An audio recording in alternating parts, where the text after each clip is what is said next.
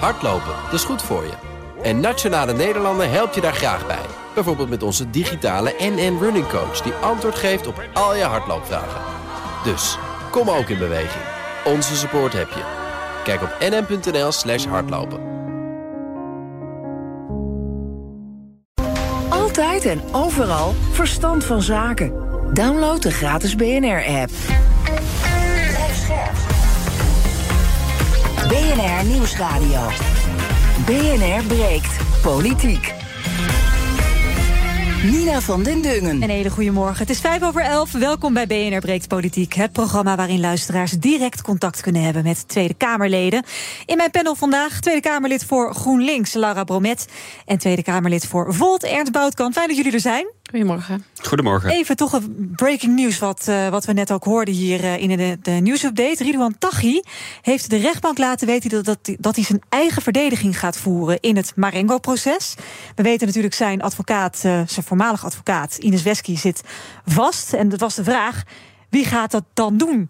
Nou, Taghi heeft nu zelf gezegd: ik ga het zelf doen. Ernst, hoe reageer jij op dit nieuws? Nou, ik begreep dat het uh, OM anders iemand uh, moest aanwijzen. En uh, dat dat een moeilijke keuze zou zijn geworden. hij heeft het recht om dit te doen. Dat, dat mag in onze rechtsstaat. Ja, ehm, hoe dat gaat uitpakken, dat zullen we zien. Laura, een opluchting misschien wel een beetje? Nou, dat weet ik niet. Kijk, uh, het is wel bijzonder. Je hoort het eigenlijk nooit. Dus uh, iedereen heeft een advocaat en iedereen heeft recht op een advocaat. Maar in ja. dit geval uh, gaat hij het zelf doen. Zeker ook omdat tegen Taghi levenslang is geëist. Hij heeft ook in de brief aan de rechtbank laten weten... dat hij alle onderzoekswensen handhaaft... die eerder door Ines Wesky zijn gedaan. Dus hij zet wel de verdedigingsstrategie voort. Blijkbaar met haar afgesproken. Ja, weet ik niet of hij dat afgesproken heeft. Maar... Nee, als in, maar hij zet de strategie voort die, die hij met haar. Ja, lijkt me logisch, eerlijk gezegd. Ja, maar je moet wat ja, natuurlijk. Ja, ja. Maar vind jij het ergens ja, toch wel fijn dat het OM dan niemand hoeft aan te wijzen? Want ja, je zal maar aangewezen worden in deze zaak. Ja, daar weet ik niet genoeg van. Ik, ik weet niet of er mensen zijn die uh, bang zijn om aangewezen te worden hiervoor. En of er mensen zijn die zeggen van nou, ik zou het wel heel interessant vinden. Dat, uh, ja, dat weet ik niet. Dat kan. Laten we beginnen met uh, het breekijzer. BNR breekt. Breekijzer. Ja, dat breekijzer heeft te maken met toch wel de enorme bak drijfzand... waarin het kabinet zich inmiddels bevindt als we het hebben...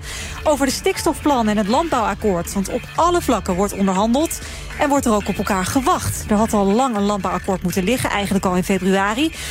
Pas twee provincies zijn verder met plannen gekomen om de stikstofuitstoot te beperken. En minister Van der Wal die heeft ruim 24 miljard beschikbaar. Maar ja, dat lijkt nu eigenlijk al te weinig als je kijkt naar de bonnetjes die die twee provincies hebben ingediend.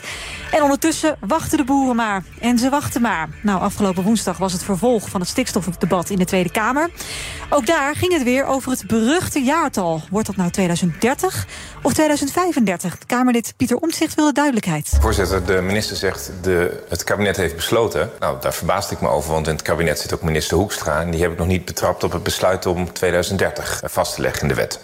En daarna kwam de apel uit de mouw. Namelijk dat het kabinet nog moet besluiten. En de wet nog naar de Raad van State moet toesturen. Ja, dat is problematisch, zegt Omtzigt. Vooral ook voor de provincies. Alle provincies worden op pad gestuurd met 2030.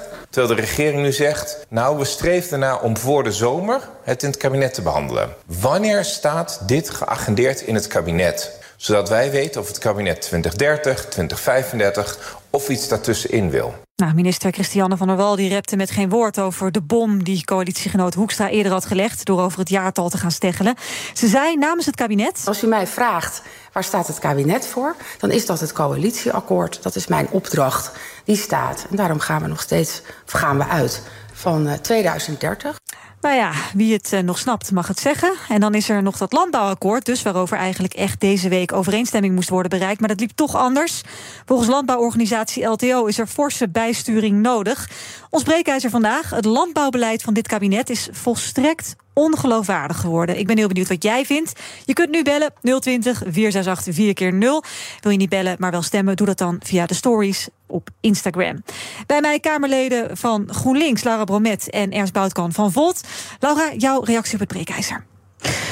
Ja, het gaat er eigenlijk vanuit dat er landbouwbeleid is, maar er is eigenlijk helemaal geen beleid. Dus uh, alles wordt vooruitgeschoven. Uh, er wordt geen enkele beslissing genomen.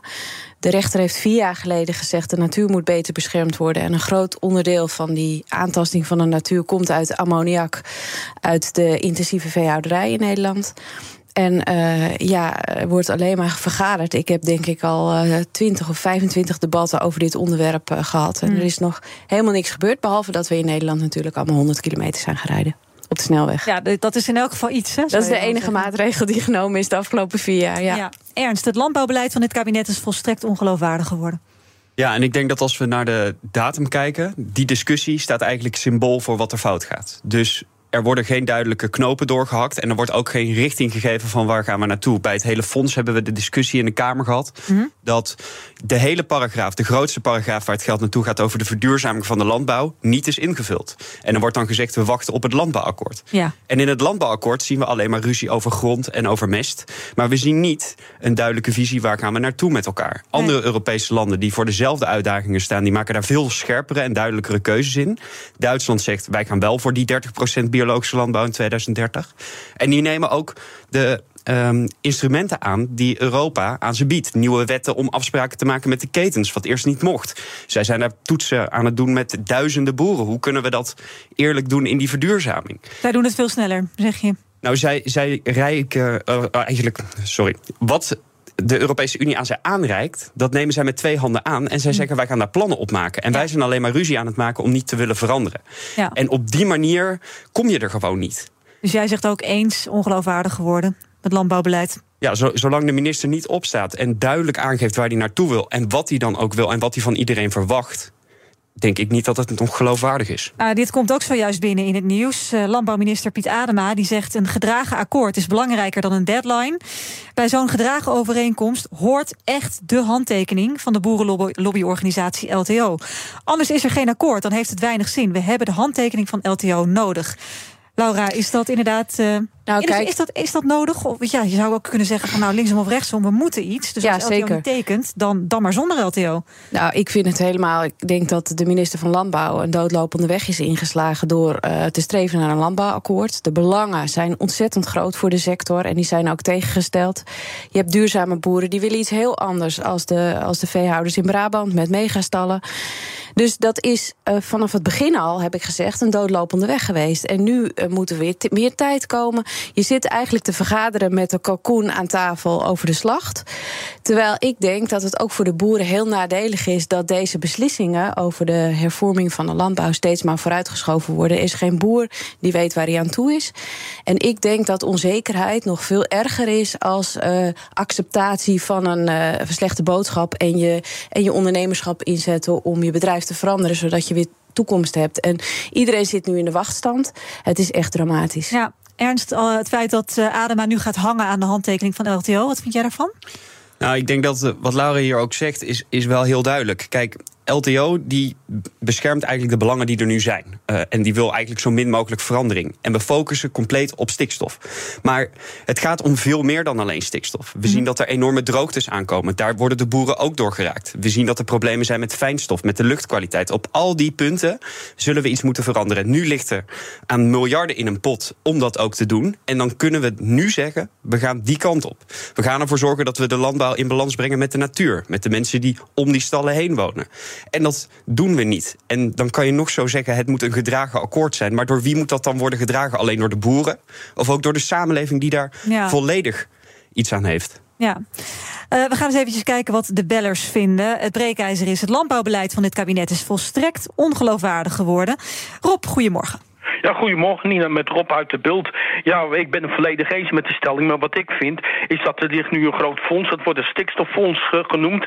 En de, elke euro, want er zitten miljarden euro's in, en ik vind dat elke euro zo effectief mogelijk besteed moet worden. Dus wat eigenlijk wat ik mis, dat je moet zeggen van, uh, van we willen zoveel mogelijk impact bereiken, zoveel mogelijk resultaat zien voor elke euro. En dan moet je een gedegen plan hebben, met een gedegen aanpak, met een impact assessment. En dat mis ik, dat gebeurt gewoon gewoon niet. Nee. Er wordt nog gezegd, dat fonds het wordt beschikbaar gesteld... en dan kunnen gemeentes uit putten. Nou, dan gaat het net als met die startbudgetten. Wie het eerst komt, wie het eerst maalt. En eh, ja, ik ben bang dat er gewoon helemaal niet naar de effectiviteit gekeken wordt. Nee, dus dat is iets in jouw ogen waar eh, de Kamer zeker op moet letten. Dankjewel, Rob. Jan, goedemorgen.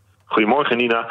Nou, ik denk dat uh, ja, de, de onmacht of de stagnering in, in, in beleid zich niet alleen beperkt tot het landbouwbeleid. Ik denk dat de regering totaal op dit moment uh, helemaal niks meer uh, laat zien. En voornamelijk bezig is om zelf in het zadel te blijven. Het zou voor Hm. iedereen beter zijn, in ieder geval voor het land, voor de boeren, voor de mensen in de zorg, voor de mensen die een huis nodig hebben, voor de vluchtelingen. Als de huidige regering gewoon zou opstappen en er nieuwe verkiezingen kwamen, zo snel mogelijk. Daar heb je ook een hoop werk aan. Maar dan daarna kunnen we misschien aan tafel met partijen die überhaupt uh, stappen uh, durven te zetten. Want op dit moment zijn ze niks anders aan het doen dan zelf in het zadel blijven en de rit uitzitten. Want ze weten dat er straks een zwaard van Damocles boven het hoofd hangt. En dat heet BBB. Helder, dankjewel Jan. Ik zie de Kamerleden hier uh, glimlachen bij het idee van nieuwe verkiezingen. Zitten jullie daarop te wachten? Ernst van Volt?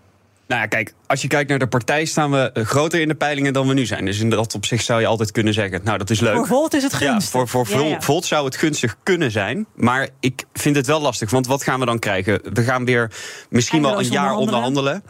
Uh, de problemen zijn zo groot. We zien de natuurdoelanalyses. Dus hè, als we het hebben over de druk van de natuur. Het is veel erger dan we dachten. Er moeten hele duidelijke keuzes worden gemaakt. Niet alleen op de landbouw, maar er zijn ook andere grote problemen in het land. Stijgende inflatie. Mm -hmm. Uh, de armoede groeit, de ongelijkheid groeit. Gaan we dan weer een jaar lang niks doen en onderhandelen om dan uiteindelijk ja, weer op dit niks punt te te bereiken. belanden. Ja, weer op dit punt te belanden. Ik, ik zie dat ook niet zo zitten, Nou als ja. ik heel eerlijk ben. Laura, PvdA GroenLinks trekt samen op uh, tegenwoordig. In elk geval in Nederland. Europees gezien las ik vanochtend in de krant dat het...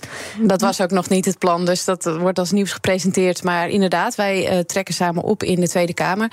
Kijk, uh, ik denk dat niemand zit te wachten op enig moment op, korte, op, uh, op verkiezingen voordat de looptijd van een kabinet voorbij is. Maar dit kabinet doet inderdaad niks. Dus ja, wat heb je aan een kabinet dat geen beslissingen neemt? Zeker als de problemen zo groot zijn.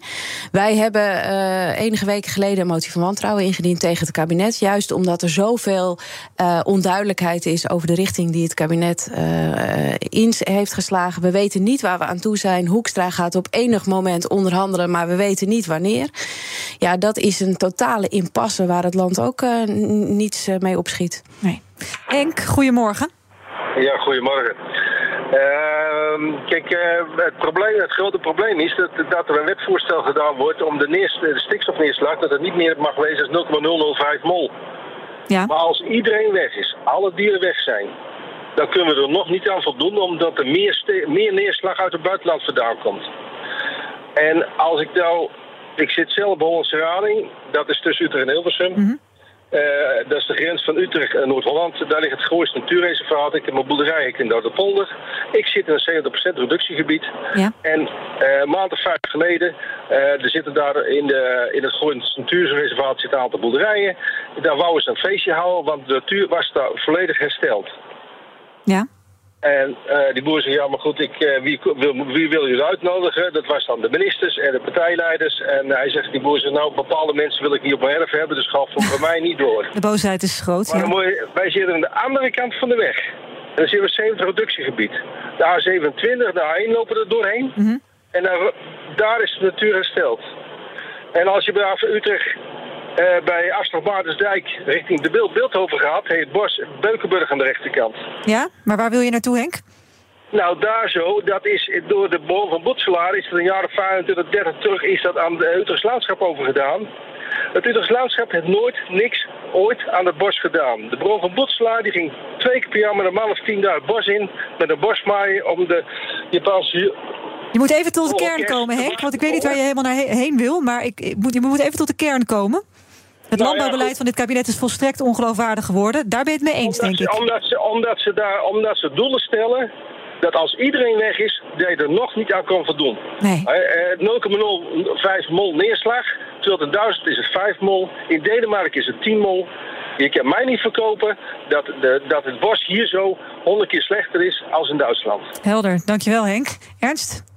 Nou, Zijn ja. we te streng in Nederland, zeker als je het vergelijkt met andere landen? Ik vind, dat, ik vind dat altijd wel een interessante discussie. Want wat er eigenlijk is gebeurd, is dat we op die manier een soort plafond hebben neergelegd. Dus we, we hebben normaal een soepelere norm van hoeveel stikstof er mag uit worden gestoten om een vergunning te verlenen. Maar omdat er zoveel stikstof is en de natuur zo vervuild is met die stikstof, hebben we gezegd: we maken de grens zo laag dat je eigenlijk geen stikstof meer mag uitstoten. Dus dat we het moeten doen met de stikstof die er is. En je zou ook zien dat op het moment dat we de juiste stappen nemen en dat de natuur zich herstelt en we meer in balans gaan leven met de natuur, die norm ook weer omhoog kan. En dat wordt er nooit bij gezegd. Nou, dit probleem is echt uh, tientallen jaren oud. Is uh, al die tijd verwaarloosd. Uh, boeren hebben uitgebreid omdat de overheid die mogelijkheid gaf. In gebieden als de Veluwe en de Peel is de natuur er echt ontzettend slecht aan toe. En dat is gewoon een gevolg van die intensieve veehouderij. En daar moet ingegrepen worden. En als ik nog één ding over die andere Europese landen mag zeggen. Mm -hmm. Ook daar zien we rechtszaken lopen. Maar Duitsland en Denemarken hebben echt een andere manier van uh, hoe zij uh, hun boeren hebben die omgaan met de natuur. Dus Denemarken is heel veel biologische landbouw, veel minder kunstmest, andere manieren van uitstoot. En Duitsland heeft gewoon vele grotere natuurgebieden, ja. waardoor ze veel beter uh, kunnen tegen die stikstofdepositie. BNR breekt. Politiek. Nina van den Dungen. En vandaag in mijn panel Laura Bromet van GroenLinks en Ernst Boutkan van Volt. We praten over het breekijzeren landbouwbeleid van het kabinet. is volstrekt ongeloofwaardig geworden. Je hebt nog heel even om te bellen als je dat wil. 020 468 4 keer 0 uh, Ik wilde nog even met jullie terugblikken op het uh, stikstofdebat van afgelopen woensdag. Het ging natuurlijk over dat fonds, 24,3 miljard. Dat dreigt nu al te weinig te zijn. Hè? Als je kijkt naar de plannen die Overijssel en Friesland hebben ingediend. Dat zijn de eerste twee provincies die plannen hebben ingediend. Zij komen samen al met een rekening van bijna 10 miljard. Twee provincies. Terwijl we het hebben over een totaalbedrag van 24,3 miljard. Waar gaat dit heen, Laura? Ja, dit is uh, een gevolg van uh, uh, de keuze van het kabinet om alles op vrijwillige basis te doen. Dus zij hebben gezegd: wij komen met hele aantrekkelijke regelingen waar boeren op in kunnen tekenen. -hmm. Um, je zou ook kunnen zeggen, als het probleem zo groot is, uh, dan gaan wij gewoon ingrijpen. En dan gaan we zeggen, in bepaalde gebieden is geen plek meer voor veehouderij. En we gaan die boeren wel uitkopen, maar verplicht, dan is dat uh, goedkoper. Maar dat doet het kabinet niet. Dus uh, ja, op deze manier is er heel veel geld voor nodig.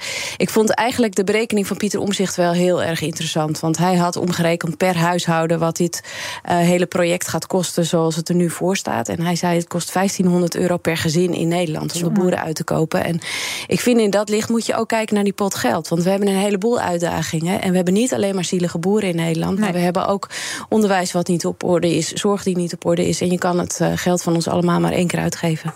Ernst? Nou, wat ik daar ook uh, interessant aan vind, is dat. Uh, we geven eigenlijk een blanco cheque. Dus we zeggen we openen een bankrekening, daar staat zoveel geld op. En provincies, succes, kijk maar wat er gebeurt. Als ik een provinciebestuurder zou zijn, zou ik dan ook denken: nou, hoeveel zou ik hieruit kunnen vragen. halen? Ja, uh, in plaats van dat de overheid duidelijke regels of doelen meegeeft, hè, behalve dan dat 2030 of 2035 doel, uh, zeggen ze niet van en zo gaan we het doen. En ja, dan krijg je inderdaad een soort wildgroei aan ideeën waarin het een beetje pappen en nat houden wordt, iedereen een beetje te vriend houden en dat je dat dan maar met smeergeld gaat lopen oplossen. Ja. Ja, het zou toch veel mooier zijn als je zegt... we gaan uh, toe naar een landbouw die totaal natuurinclusief is... en we gaan alle boeren die dat willen, gaan we daarbij helpen. En daar gaan we dat geld voor gebruiken.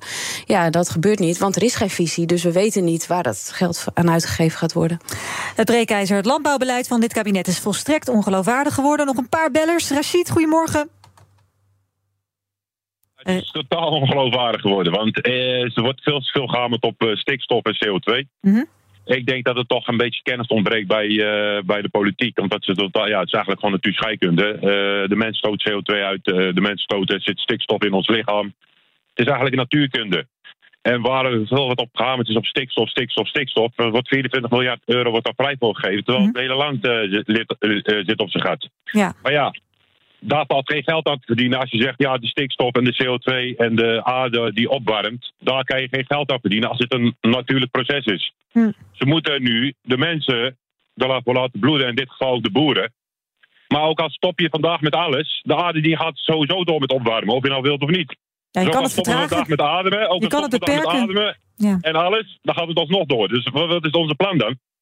Helder, dankjewel Rashid. Richard, goedemorgen. Ja, ik ben het met alle sprekers eens tot nu toe. Ze zijn, waarom zijn die sprekers dan zo slim of zo politiek zo dom? Goeie vraag. Zal ik het eens voorleggen? Laura. Volgens mij zijn wij ook de politiek. Dus uh, de politiek is veelkleurig. Uh, ja, wij, wij, wij voelen ons wel eens machteloos in dit debat, denk ik. Omdat uh, we al, al jaren weten wat het probleem is. Een probleem wordt groter en groter en duurder en duurder om op te lossen. Terwijl ja, alle, alle richtingen wijzen, wijzen dezelfde kant op. En Ernst en ik zijn het gewoon eens. Peter, goedemorgen. Hallo, goedemorgen. Zeg maar. Wat ik een beetje jammer vind. Wat ik, een beetje, ik ben het er dus inderdaad mee eens dat het uh, beleid compleet doorgeschoten is. Alleen wat het probleem is, mensen praten altijd over anderen, maar niet over zichzelf. Ja, dus waar, wie, wie, wie mis je met een kritische noot? We hebben het over 40.000 varkens.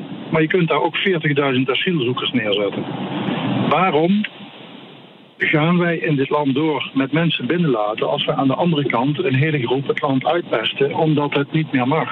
Dan moet je ook reëel zijn en dan moet de hele linkse kant van het spectrum zeggen: dit land zit vol, wat we eigenlijk met z'n allen zeggen. De deuren gaan dicht. Er komt minder vee. De natuur kan herstellen. Maar moeten we dan ook naar een één-kind-politiek? Heel, heel bazaal. Als we dan met minder mensen moeten zijn, moeten we dan ook minder auto gaan rijden? Ja. Dan moet je het ook allemaal zeggen. Tata Steel gaat dicht. Schiphol gaat halveren. De boeren halveren. Ons autoverkeer halveert. Nou, dan hebben wij over 20 jaar hele mooie natuur. Het geen moet economie. gewoon over alles uitgestreken worden. Wij worden hier dadelijk een natuurgebied zonder economie. Oftewel, over 20 jaar is het hier dood en wordt de economie bedreven in Duitsland, in Polen, in Tsjechië, in Rusland en in China. Maar niet meer in Noordwest-Europa als we zo doorgaan. Uh, Peter schetst een. Dank Peter. Peter schetst een vrij somber toekomstbeeld wat dat betreft. Hè? Want ja, je kan het ook gewoon helemaal uh, uh, beleidsmatig kapot, kapot maken. Dat je uiteindelijk zo ver gaat dat de economie gewoon hier eigenlijk geen knip voor de neus meer waard is. Ja, de Nederlandse economie is meer dan alleen een landbouweconomie. Wij zijn in absolute zin de tweede landbouwexporteur van de wereld in een heel klein land met hm? veel mensen. Dat nee, maar Peter pakt het ook breed, hè? Dus ja, nee, maar ik ben het er ook mee eens dat en Tata aangepakt moet worden en Schiphol aangepakt moet worden. Dus dat, dat, dat, uh, ja, dat kun je GroenLinks niet verwijten in ieder geval. Nee, maar het is natuurlijk ook, het is ook cynisch bedoeld. Van ja, uiteindelijk wil je dan alles halveren. Wat hou je dan nog over behalve een prachtig natuurpark? Ja, de natuur is de basis van ons bestaan. Dus je kunt wel doen alsof het iets leuks is voor de bij. Maar uh, zo kijk ik er niet naar. Ernst? Nou, wat ik altijd heel moeilijk vind als dit soort argumenten worden aangedragen, is dat er komt natuurlijk ook een nieuwe economie voor in de plaats. Er zijn enorm veel bedrijven die hele mooie dingen doen, uh, op groene manieren, allemaal andere dingen produceren, andere vormen van kleding, waar enorm veel geld mee te verdienen valt, waar ook heel veel vraag naar is in deze wereld. En doordat we geen afscheid durven te nemen van de oude economie, houden we dat eigenlijk een beetje tegen. Ja. En juist een kabinet dat deze transities inzet, want we hebben deze discussie ook bij het Klimaatfonds, juist het kabinet dat deze veranderingen inzet, moet juist die visie schetsen. En, en dat gebeurt niet. Nee, er liggen zoveel kansen voor het oprapen. Als je het hebt over isolatie en biobased bouwen, dan staan echt bouwers die dat willen doen, staan te springen om materialen die in Nederland verbouwd kunnen worden. En dat, en, en dat gebeurt niet, omdat we de vee-industrie aan het uh, spekken zijn. Dat moet gewoon veranderen. Ik wil van jullie een eindconclusie. We hoorden dus uh, net het laatste nieuws dat Piet Adema rekent op een uh, handtekening van LTO. Hij zegt dat dat is nodig, want anders heeft dit akkoord geen zin. En ja, ze mikken op komende woensdag. Gaat er een landbouwakkoord liggen komende woensdag, Ernst? Ik weet niet of er een goed landbouwakkoord gaat liggen komende woensdag. Ik weet dat andere ministers er ook uit, uh, erg op zitten te drukken dat het er wel komt voor de hemelvaart. En als ik één ding mee zou mogen geven aan de minister, is andere Europese landen maken deze verandering in de landbouw ook mee. En een van de grootste bezwaren is dat we een open economie zijn en dat boeren straks weggeconcureerd worden als ze duurzamer gaan produceren. De afspraken die we in Europa daarover kunnen maken zijn mogelijk bij de wet. Ga alsjeblieft met de Europese collega's zo snel mogelijk in overleg hoe we voor al die boeren in Europa een goede toekomst kunnen bieden. Laura, volgende week woensdag? Ja, ik heb liever geen akkoord dan een slecht akkoord. En uh, ik vind dat er leiderschap nodig is en dat de minister gewoon uh, stappen moet nemen. Ook al is er geen draagvlak. Het uh, breekijzer is het landbouwbeleid van dit kabinet is volstrekt ongeloofwaardig geworden. Op Instagram is op dit moment 79% van de stemmers het ermee eens en 21% oneens. Dank aan alle bellers. Um, we gaan zo meteen uh, even kijken naar scholieren, want die uh, gaan hun eindexamen Nederlands vandaag maken. En als je niet verder komt dan een onvoldoende, een onvoldoende dan zegt de onderwijsinspectie in het vervolg geen diploma. En we gaan het ook hebben over Unilever, want dat maakt ondanks hele grote beloften nog altijd dikke winst in Rusland. Tot zo. Hardlopen, dat is goed voor je. En Nationale Nederlanden helpt je daar graag bij. Bijvoorbeeld met onze digitale NN Running Coach... die antwoord geeft op al je hardloopvragen. Dus, kom ook in beweging. Onze support heb je. Kijk op nn.nl slash hardlopen. Business Booster. Hey ondernemer, KPN heeft nu Business Boosters. Deals die jouw bedrijf echt vooruit helpen. Zoals nu, zakelijk tv en internet, inclusief narrowcasting... de eerste 9 maanden voor maar 30 euro per maand. Beleef het EK samen met je klanten in de hoogste kwaliteit. Kijk op kpn.com slash businessbooster. Business Booster.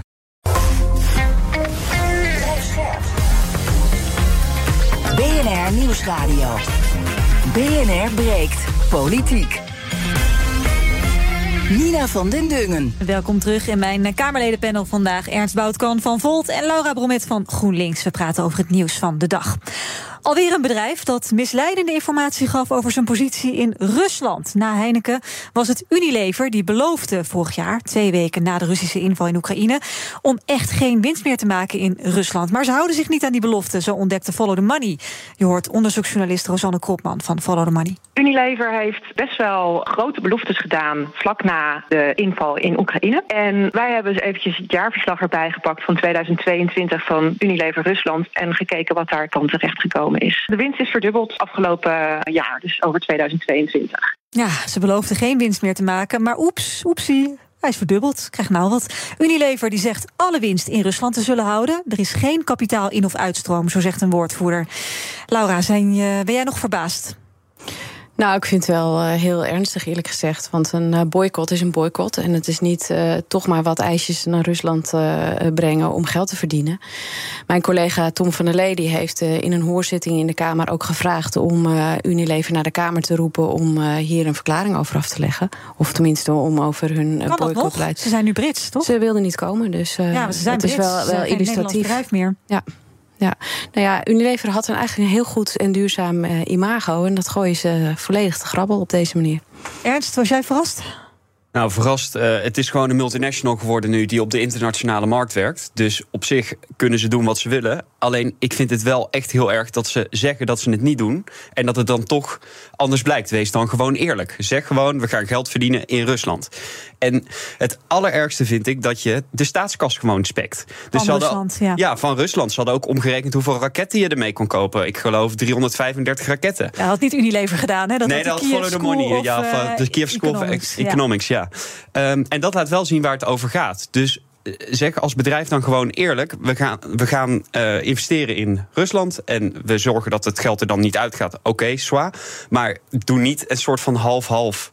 Schijnheilig. Nee, doe niet schijnheilig. Gaat dit in tegen het Europese sanctiebeleid? Of, of mag uh, Unilever dit inderdaad gewoon doen, Laura?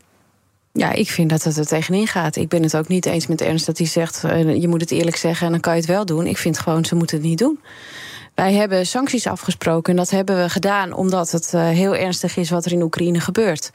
En dan moet je uh, schouder aan schouder staan als, uh, als Europese economie. En ja, als je, da, als je dan gewoon toch doorgaat met je eigen belang te laten prevaleren, dat vind ik echt, nou, vind ik echt niet kunnen. En Tom van der Lee die zei dus, of die heeft Unilever gevraagd: willen jullie komen vanochtend? Naar aanleiding nee van hoor, nee, het was al eerder in een hoorzitting om gewoon te vragen van wat, het, wat het beleid was ten aanzien van Rusland. En toen wilde niet komen. Dus dat, ja. Als ik daar heel even op mag reageren. Kijk, natuurlijk vind ik dat ook. Alleen als we kijken naar het Europese sanctiepakket van de Europese Unie, dan valt dit daar, als ik zover ik weet, niet onder.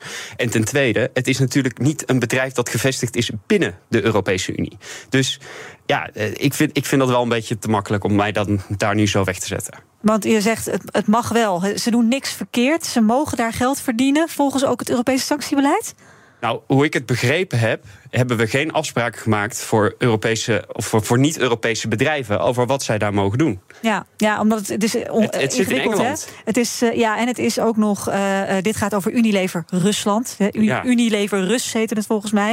En dat heeft Heineken ook. En ze hebben allemaal verschillende holdings en die lopen ja. ook weer deels door Nederland heen. En daar zouden we echt wel iets aan kunnen doen als we dat zouden willen. Maar ah. ja, je kan het niet zo erg versimpelen. Nou, daar ben ik inderdaad uh, benieuwd naar. Wat kunnen we doen? Wat kunnen jullie als Kamerleden doen? Want inderdaad, je kan ze netjes vragen: kom eens langs voor een hoorzitting. Nou, dan is het antwoord dus nee. Kun je verder wat als, als Tweede Kamer in Nederland, Laura? Nou, je kunt het in ieder geval aan de orde stellen. Je kunt, je kunt ze naar de Kamer roepen, maar als ze niet komen, dan kan je ze niks vragen. Nee. ja, dat is toch altijd wel het moeilijke van de politiek natuurlijk in een vrije markteconomie. Dat bedrijven ook een eigen verantwoordelijkheid hebben. En ja, ik denk dat het niet goed is voor Unilever dit. Ik denk niet dat het goed is voor, imago, uh, voor hun imago. En uiteindelijk ook klanten zullen, zullen denken als een ijsje nemen... oh ja, dat is van dat bedrijf wat uh, gewoon lekker uh, geld verdient in Rusland. Ja, ja, we lachen steeds om dat ijsje. Omdat ze eerder in die verklaring een jaar geleden hebben gezegd... wij gaan alleen nog essentiële voedingsmiddelen leveren in Rusland. Essentieel. Maar ondertussen liggen de Magnums en de Cornetto's daar fantastisch in de schappen. Ja, je kunt je afvragen, sommige mensen die vinden ijsjes ontzettend essentieel. Ja, ik ook ook. Maar ja, als je te veel eet, word je heel dik, hè? en uh, verder zegt Unilever ook dat het ook te maken heeft... Hè, die, die grote winst daar in uh, Rusland... met de inflatie en uh, ook de koers van de roebel. Ja, kan dat, dat kan een rol spelen, toch? Dat het net gunstig uitpakt voor Unilever, Ernst. Ja, ik, ik moet eerlijk zeggen, ik, ik, ik, ik weet niet precies hoe dat... ik heb daar niet in kunnen duiken of dat waar is. ze zullen het zeggen... Uh, uiteindelijk komt het er gewoon op neer dat ik denk dat alle consumenten in Nederland zich even goed achter de oren moeten krabben. Nu dit nieuws uh, uit is gekomen en moeten denken: wil ik een bedrijf steunen dat hierover liegt? Oh, je doet eigenlijk een voorzichtige oproep tot een boycott van Unilever-producten in Nederland. Nou, ik zou willen zeggen, denk er allemaal goed over na. Want als je kijkt, wat kunnen wij doen als Kamerleden... is dit een van de dingen, hier aandacht voor vragen en hier tot oproepen. En dat consumenten zichzelf goed achter de oren krabben... of ze dit eerlijk vinden dat dit zo naar buiten wordt gebracht. Dan is het uh, dag 2 van de eindexamens. Alle mobieltjes, oortjes, horloges, alles in de kluis. Hoe lang geleden is die voor jullie, eindexamens? Laura, welk jaar? 1989. 89, Ernst? 2014. 2014. Um, kunnen jullie je eindcijfer Nederlands nog herinneren? Nou, ik denk dat ik wel een hoog cijfer had. ik heb ook Nederlands gestudeerd, dus ja. ja. maar je weet het niet meer, de cijfer Nee, ik denk 7 of een 8 of zo, zoiets. Ernst? Ik ben erg dyslectisch en ik was heel blij met mijn 6,5. Dat weet ik nog heel nou, goed. En dat is ook een, echt een ruime voldoende waar je prima mee zou scoren. Uh, want ja, als je een... Uh, als je een onvoldoende hebt, dan kom je er niet meer mee weg. Althans, als het aan topambtenaar Alida Oppers van de Onderwijsinspectie ligt. Zij is de inspecteur-generaal. Zij pleit er namelijk voor om middelbare scholieren en ook Gewoon niet meer te laten slagen als ze een onvoldoende halen voor Nederlands op de eindlijst. Het is nu een van de drie kernvakken. Wiskunde, Engels en Nederlands zijn de drie kernvakken. Je mag voor één van die drie slagen met een onvoldoende, maar dan moeten de andere twee wel voldoende zijn. Volgens de onderwijsinspectie zeggen ze: moeten we niet meer doen. Iedereen moet gewoon met een voldoende op de eindlijst voor Nederlands slagen, anders heb je pech. Goed idee of gaat het te ver, Ernst? Nou, de reden dat ze het zeggen is omdat ze eigenlijk aangeven dat als mensen het uh, onderwijs verlaten, ze eigenlijk niet klaar zijn voor de samenleving. Dus ik wil dat even heel de duidelijk. Taal verloederd, zeggen ja. ze. De Nederlandse taal verloederd. Nee, maar ook gewoon echt de basisvaardigheden die je nodig hebt om mee te kunnen draaien in deze samenleving, zijn niet goed genoeg bij mensen die van school afkomen. Maar dan specifiek op taal dus? En specifiek op taal. Maar ik kan me ook voorstellen dat het op andere basisvakken... want het gaat ook om rekenen en Engels... daar is ook al heel lang een probleem. En daarom komt er nu ook een actieplan of een masterplan... basisvaardigheden in het onderwijs. Ja. Het heeft ook te maken met de corona-achterstanden. En nou goed, ik denk dat als we zeggen met elkaar dat moet beter dat het verhogen van die eis niet per se de oplossing is. Want wat ga je dan zien? We hebben in Nederland een systeem met privéscholen, met heel veel bijles voor de ouders die dat kunnen betalen. En ouders die dat niet kunnen betalen, die kinderen blijven achter. Dus als je zoiets doet, moet je heel goed nadenken wat de consequenties kunnen zijn voor die kinderen die niet mee kunnen komen in dat private systeem. En moet je jezelf ook de vraag stellen of je dat überhaupt moet willen. En Volt is daar heel duidelijk in. Wij vinden dat dat niet moet op die manier. Oké, maar eh, zeg je dan, dit moeten we wel, dit is een goed idee. Dus eh, we moeten echt stoppen met uh, een diploma geven aan kinderen die dus dan net niet die voldoende halen? Ik denk dat op den duur dat uh, goed zou zijn als die randvoorwaarden dat die kinderen dan ook mee kunnen komen in het schoolsysteem ja, geschetst worden. En dat hoor ik nu niet. Nee, je helpt, je helpt kinderen natuurlijk niet door te zeggen je krijgt geen diploma. Je helpt kinderen door uh, ze inderdaad met een goed onderwijs uh, de samenleving in te sturen. Het is ontzettend belangrijk dat je goed Nederlands spreekt in Nederland om mee te kunnen komen. Maar dat begint met uh, bevoegde leraren voor de klas. Ja. Leraren die vaste contracten krijgen, zodat ze kunnen investeren. En dat zijn de dingen die je eerst moet doen voordat je het op het bordje legt van de leerling zelf. Want die heeft al een handicap omdat hij geen Nederlands goed spreekt. Maar hij kan het ook niet leren, want er is geen uh, onderwijs wat voldoet. Ja, dus je zegt de, de druk nu op de jongeren leggen. Is ja, dat vind ik helemaal verkeerd. Dat moet echt in het onderwijs zijn. Ja. Dus jullie zouden zeggen: ik pijn er niet over. Dat gaan we nu absoluut niet invoeren. Nu nog niet, die, nee. uh, Nu nog niet, dus je houdt het wel voor later open. En jij ook met, met randvoorwaarden. Precies. Voor later. Hardlopen, dat is goed voor je. En Nationale Nederlanden helpt je daar graag bij. Bijvoorbeeld met onze digitale NN Running Coach... die antwoord geeft op al je hardloopvragen. Dus, kom ook in beweging. Onze support heb je. Kijk op nn.nl slash hardlopen. Business Booster. Hey ondernemer, KPN heeft nu Business Boosters. Deals die jouw bedrijf echt vooruit helpen. Zoals nu, zakelijk tv en internet, inclusief narrowcasting... de eerste 9 maanden voor maar 30 euro per maand. Beleef het EK samen met je klanten in de hoogste kwaliteit. Kijk op kpn.com slash businessbooster. Business Booster. BNR breekt. Eh, nog heel even hebben we voor het eigen nieuws van Laura Bromet van GroenLinks en Ernst Boutkan van Volt. Laura, waar wilde jij het over hebben? Nou, ik vind het eh, zorgelijk, en dat heeft ook weer een beetje met landbouwbeleid te maken, dat, eh, dat experts zeggen dat in Nederland ehm, in verband met de vogelgriep. ehm, Bedrijven waar varkens en kippen in één bedrijf zitten, het risico heel groot is dat de vogelgriep muteert naar een variant die ook voor mensen gevaarlijk is via die varkens. Eh, en de experts zeggen eigenlijk dat moet je verbieden. Gaat Gemengde over- boerderijen van kippen en varkens. Hoeveel Ja, zijn dat er in Nederland? 100 zijn dat er in Nederland. Oh, dat is niet zoveel. Nee, dus je zou zeggen, als we toch de hele landbouw gaan hervormen, dan beginnen we met deze bedrijven. Of in ieder geval, die nemen we nadrukkelijk mee. Ehm, en ik vind echt dat eh, de minister heeft gezegd: ga ik niet doen. De minister Adema. niet verbieden. Ga Waarom ik niet, niet? verbieden. Wat zit daarachter? Ja, hij is gewoon, hij zit in de zak eh, van de sector. Hij, elk derde woord wat hij zegt is landbouwsector. En ja, hij, hij, durft, hij durft geen pijnlijke beslissingen te nemen. Maar hij speelt daarmee wel met vuur. Want juist in zo'n veedicht land als Nederland eh, is het risico op een nieuwe zoonose levensgroot, zeggen de, deskundigen ook. En ik zou zeggen, kabinet, als deskundigen dit nou adviseren, doe dat dan gewoon. Ja, nou ja, de vraag is, want we hebben dus honderd van die boerderijen. Ik weet niet hoe, hoe lang dat al zo is. Maar het is nog nooit misgegaan. Ik klop hem even af, natuurlijk. En dan heb je ook nog een, eh, een ik geloof een eh, boer, Geert van der Veer heet hij. Die heeft heel veel van die honderd boerderijen. En die zegt, ik hou op mijn boerderij ook die kippen en die varkens echt heel goed gescheiden. Ja, kijk, dit is een, dit is een voorbeeld van een, eh, van, een, van een kleinschalige boerderij. waar als er vogelgriep uitbreekt. eh, en- enkele tientallen dieren betrokken zijn. Ik heb het echt over die hele grote veestallen. waar als eenmaal een virus eh, inkomt. de kans op mutatie heel erg groot is. Ja, en. en ja, ik, ik vind de rol van deskundigen in deze vind ik heel erg belangrijk. Ik vind het gevoel van, nou, het, gaat allemaal het komt allemaal wel goed, dat vind ik, eh, ja, vind ik gevaarlijk. Ja. En eh, je kan eigenlijk eh, ja, je kan wachten totdat het misgaat, maar dan kan het gruwelijk misgaan. Dat hebben we met corona ook gezien. Dus ik zou zeggen, wees gewaarschuwd. En Dan komt er een virus bij, de, hè, dat slaat over op varkens en dat is gevaarlijk voor mensen. Ja, omdat de receptoren die in varkens zitten, die lijken op die van mensen. En als je dan een virus hebt wat rondgaat, vogelgriepvirus wat onder de varkens rondgaat, kan het ook op mensen overspringen. We hebben dat met de nertse fokkerijen ook gezien. Daar was corona en dat, die hadden ook dezelfde receptoren overgaan, als, ja. eh, als mensen. En ja, dat is ook een einde geweest van de nertse fokkerij in Nederland. Dus het is, eh, ja, het kan. Ernst, moeten we daar inderdaad niet, niet op afwachten tot we een keer zo'n nare virus krijgen dat van zo'n gemengde boerderij afkomt? Ik denk dat dit eh, wederom laat zien dat het hebben van enorme megastallen in Nederland met zo'n dichte bevolking niet houdbaar is. Daar is Volt ook altijd heel duidelijk in geweest. Eh, als we het hebben over de kleinere boeren, eh, hè, want het ging geloof ik over 20, eh, 20 eh, varkens en 250 kippen. Kijk, dat is natuurlijk het probleem niet. Het gaat hier echt om Nee, is dat, is, Laura, is dat het probleem niet? Nou, dat weet ik niet. Kijk, dan moet je. Dat, dat zou ik echt van de deskundigen willen horen. Ehm, ik vind de Geert van der Veer heeft een heel leuk concept waarin mensen investeren in een boerderij en gezamenlijk eigenaar zijn. Dat is wel een van de eh, toekomstboeren, denk ik. Eh, maar ik vind het jammer om meteen daarop te focussen. Want het gaat juist om die enorme hoeveelheid dieren die we hebben. En die stallen die ook heel dicht op elkaar staan in sommige gebieden in Nederland. Ja. Ja, precies wat ik zei. nou ja, die, als het maar op kleine schaal is, zeg jij.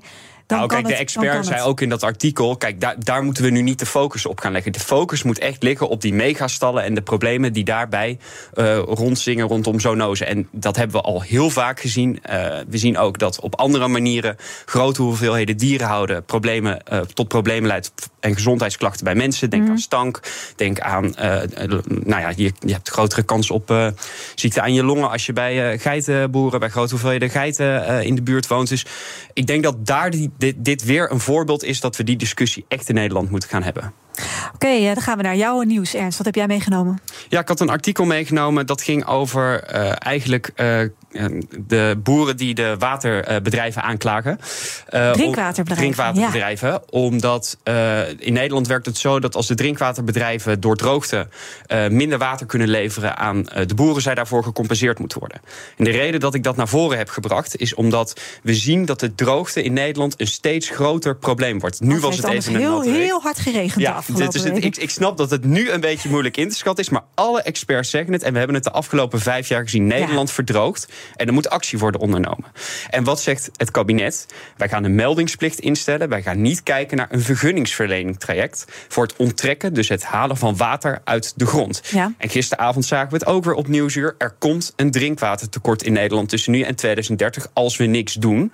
Ik vind dat heel essentieel. Genoeg drinkwater heel voor iedereen. Eng, klinkt het? Ja, en we moeten daar gewoon met elkaar eerlijke afspraken over gaan maken. Wie mag wanneer waar water voor gebruiken? En wat er nu gebeurt is omdat we die keuzes weer niet nemen, zie je dat er weer burgers tegenover elkaar staan in de rechtbank die het maar uit moeten vechten. En ik zie dit als een voorteken dat we straks, omdat we nu niet zeggen met elkaar: dit prioriteren we, dit geven we wel een vergunning en dit niet, dat we eigenlijk burgers dwingen om die belangen dan maar weer uit te gaan vechten in de samenleving. En dat is toch niet goed voor Nee. het vertrouwen in de overheid? Nee, dat klopt. Maar staan dan wat jou betreft de boeren wel achteraan... als we het hebben over de drinkwatervoorziening... op het moment dat het superdroog is? Nou, ik denk dat drinkwater voor alle Nederlanders sowieso op, Op plek één. 1 moet staan. Ja. En het gaat nog om natuurlijk hele andere manieren van hoe gebruik je het water. Je kan ook op andere manieren omgaan met water. Hè. Dus je hebt allemaal grijswaterprojecten, het hergebruiken van water. Dat wordt nu niet goed genoeg Ja. gestimuleerd. Dus je, je kan daar ook op hele andere manieren naar kijken. Maar dan moet je wel als overheid nu zeggen: we zien dit aankomen in de toekomst. Dit wordt een groot probleem. En daar gaan we nu de juiste stappen op zetten. Maar mis jij ook zo'n eh, beleid hierop, eh, Laura?